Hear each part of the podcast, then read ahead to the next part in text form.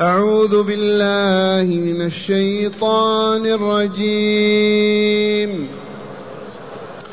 إن بطش ربك لشديد. إنه هو يبدئ ويعيد.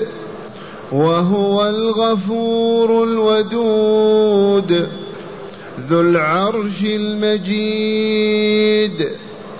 فعال لما يريد. هل أتاك حديث الجنود؟ فرعون وثمود. بل الذين كفروا في تكذيب. والله من ورائهم محيط. بل هو قرآن مجيد في لوح محفوظ. أحسنت. معاشر المستمعين والمستمعات من المؤمنين والمؤمنات قول ربنا جل ذكره إن بطش ربك لشديد. هذا خبر يخبر تعالى بأن بطشه أخذه الجبارين والظلمة والمشركين والفسق والمعاندين. بطشه أخذهم شديد يستأصلهم ويقطع دابرهم. ألا فليتق الله ألا فليحذر عذاب الله ألا فلتحذر نقمة الله. هذا الخبر والله كما سمعتم. إن بطش ربك لشديد. إذا أخذ يأخذ أخذ عزيز مقتدر. أخذ عزيز مقتدر. فلهذا يجب أن يتقي الله الكافرون والمشركون والمنافقون والذين يؤذون رسول الله والمؤمنين. إن بطش ربك لشديد. وبين لذلك العلة إنه هو يبدئ ويعيد.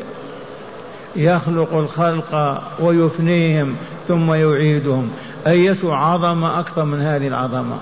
أية قدرة أعظم من هذه القدرة الذي يخلق البشرية هذه بين أيدينا ثم يميتها ثم يحييها مرة ثانية؟ هذا يعجزه شيء هذا. أيصح أن يعبد معه غيره؟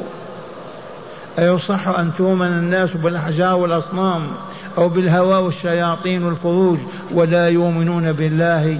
هذا الرب العظيم. إن بطش ربك لشديد. إنه هو لا غيره. يبدئ الخلق ويعيدهم بعدما يفنيهم هذا الذي يجب أن نعبده. هذا الذي يجب أن نحبه. هذا الذي يجب أن نرهبه. هذا الذي يجب أن نتحاب من أجله ما هي الأصنام والأحجار ولا الشهوات والأطماع ولا أغراض الدنيا الهابطة السافلة. إن بطش ربك يا رسولنا لشديد. فإذا بطش بهؤلاء المشركين المعاندين الذين يؤذون المؤمنين والمؤمنات فإن بطشه شديد. إنه هو يبدئ ويعيد أولا وهو الغفور الودود. عجب. غفور للمؤمنين إذا تابوا إليه ورجعوا وعبدوه وحده ولو أشركوا به ألف سنة. لما تابوا تاب عليهم وقبلهم وغفر ذنوبهم وسترها ومحاها ولم يطالبهم بها أبدا. وهو الودود المحب الذي يحب المؤمنين. يجب أن نحبه. إنه المحب الودود. يجب أن نحبه لحب ووده. غفور ودود. هذا الذي يجب أن يعبد. ما هي اللات ولا العزى ولا منات. ما هو عيسى ولا بن ولا أمه ولا فلان ولا فلان. هذا الذي يجب أن يعبد. ويطرح بين يديه. ويفوض الأمر إليه وأن نطيعه فيما يأمرنا فيه وفيما ينهانا عنه. هذا هو الله رب العالمين. هذا الذي نقول لا إله إلا الله لا إله إلا الله والله لا إله إلا الله حق يستحق أن يعبد ويؤله إلا هو. أما الآلهة المزعومة الباطلة صور وأشكال والعياذ بالله فهي من تزيين الشيطان وتحسين عبادتها ليضل البشرية ويهلكها لتكون معه في جهنم. إن بطش ربك لشديد إنه هو يبدئ ويعيد وهو الغفور الودود.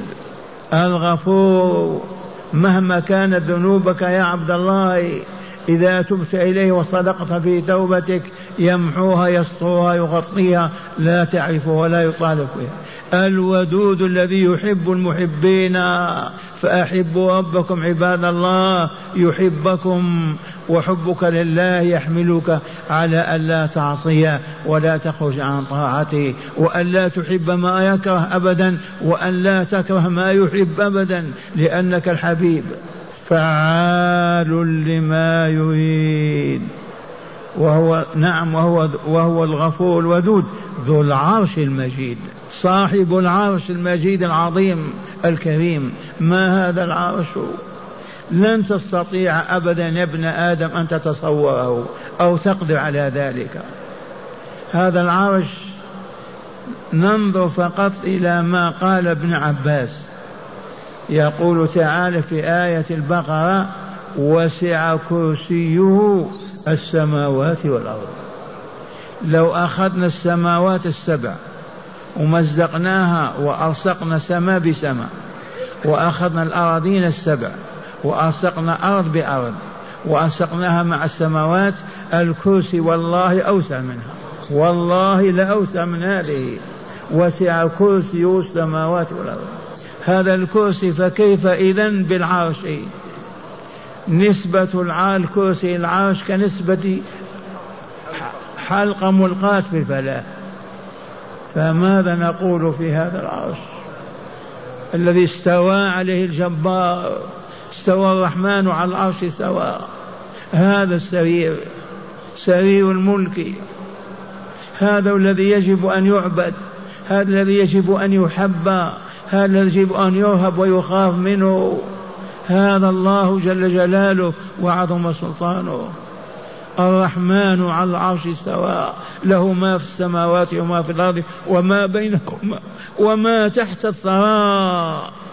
ذو العرش المجيد العظيم الكريم. أي المجيد. العرش. ثم قال تعالى فعال لما يريد. فعال كثير الفعل لما يريده. إذا أراد أن يخلق خلق إذا أراد أن يعز أعد أراد أن يذل أذل أراد أن يعطي أعطى أراد أن يمنع منع لأنه قادر على كل شيء فعال لما يريد. وهنا لطيفة تروى عن أبي بكر الصديق رضي الله عنه. لما مرض أبو بكر رضي الله عنه زاره في بيته مجموعة من الصحابة رضوان الله عليهم فقالوا له أنا أتيك بطبيب؟ قال الطبيب أمرضني أنا أتيك ألم يأتك طبيب؟ قال نعم إنه فعال لما يريد. إن هذا الطبيب فعال لما يريد ألا وهو الله. فعال لما يريده. إذا أراد شيئا كان وقدر عليه. أما المخلوقات كلها من الملائكة وغيرها والجن والإنس لا يستطيعون أن يخلقوا شيئا ولا يقدرون عليه. أما الله فهو فعال لما يريده. هذا الذي يجب أن يحب ويعظم. هذا الذي يجب أن يعبد. هذا يجب أن يسأل عنه ويتعرف إليه. والبشرية بالملايين مليارات تاية في الأرض. ما عرفت من أوجدها ولما وجدت وما وما كلها يعيشون كالبهائم بل هم شر الخليقة واقرأوا قول الله تعالى إن الذين كفروا من أهل الكتاب والمشركين في نار جهنم خالدين فيها. أولئك هم شر البريئة. شر الخليقة. من هم شر الخليقة؟ الكافرون المشركون. لما خلق كل شيء من أجلهم ولا يعبدونه. خلقهم ووهبهم عقولهم وأسماعهم وأبصارهم وخلق الأرض والسماء من أجلهم ثم يعبدون صنم وحجر وفرج من الفروج ولا يعبدون الله. اي هؤلاء والله شر البرية. شر الخليقة. نظر إلى الله من هذا. ثم قال تعالى هل أتاك حديث الجنود؟ فعال لما يريد. هل أتاك حديث الجنود؟ هل بمعنى قد قد أتاك يا رسولنا محمد؟ صلى الله عليه وسلم حديث الجنود الماضية فرعون وثمود وأمم مضت ماذا فعل الله بها دمرها وأهلكها. لما فسقت وفجرت وآثرت الشرك على التوحيد والكفر على الإيمان فعل الله بهم العجب. قد جاءك هذا في كتابك وبيناه لك. فاصبر يا محمد ولا تجزع ولا تغضب. وقومك بين يدينا. إما أن يؤمنوا وإما أن ندمرهم ونقطع وجودهم. هل أتاك حديث الجنود؟ منهم فرعون وثمود. فرعون الطاغية الجبار الذي عذب بني إسرائيل الذي ادعى الألوهية ادعى الربوبية. ماذا فعل الله به؟ أغرقه وجنده مئة ألف عسكري كلهم في البحر. ماذا يفعل أبو جهل ولا عقبة بن معيط ولا فلان ولا فلان أمام عظمة الله وقدرته؟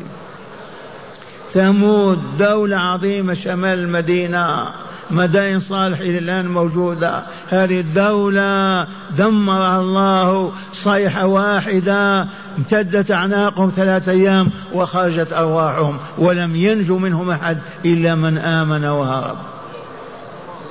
ثم ما بال هؤلاء لا تبالي بهم يا رسولنا ولا تكرب ولا تحزن من كفرهم وعنادهم. إن بطش ربك لشديد إنه هو يبدئ ويعيد وهو الغفور الودود ذو العرش المجيد فعال لما يريد. هل أتاك حديث الجنود؟ فرعون ثمود؟ نعم قد أتاه. مفصل مبين في القرآن الكريم. أهلكهم الله وإلا لا؟ مع أن فرعون طغى طغيانا لا نظير له. وثمود كذلك.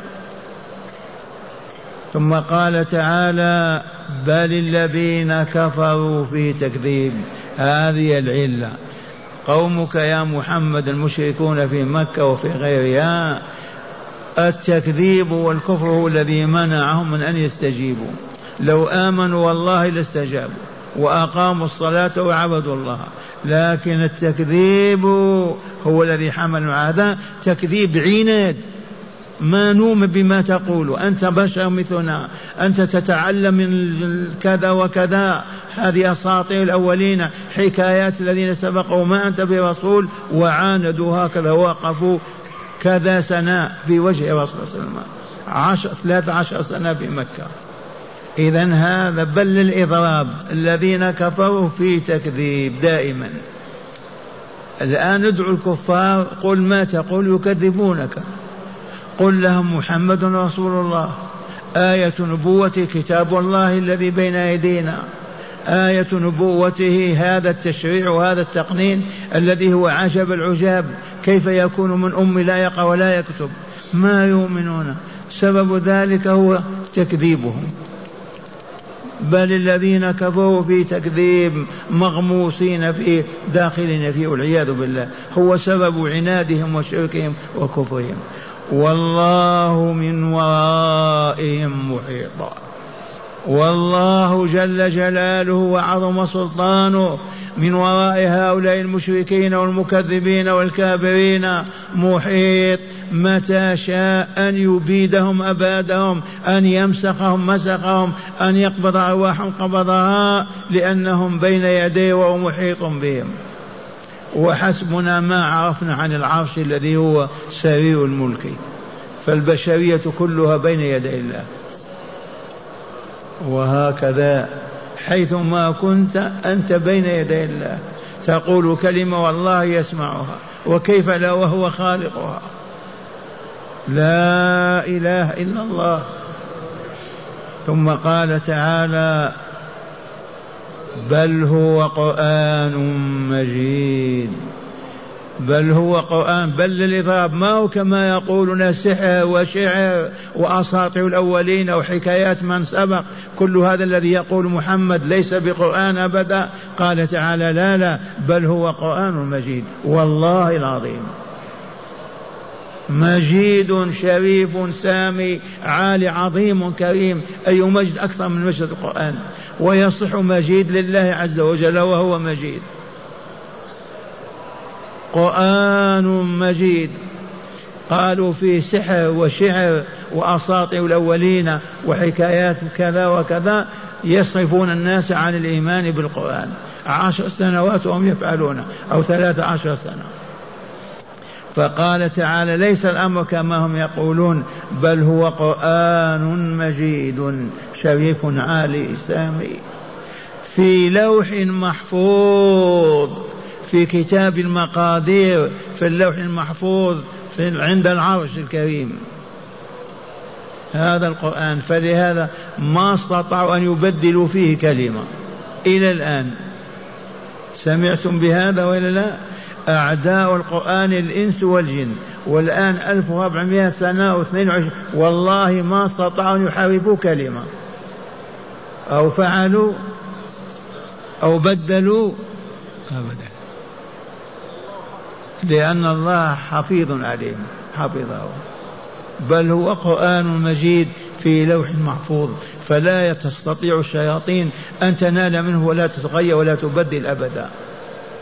والآن مع هداية الآيات. بسم الله والحمد لله والصلاة والسلام على خير خلق الله سيدنا ونبينا محمد وعلى آله وصحبه.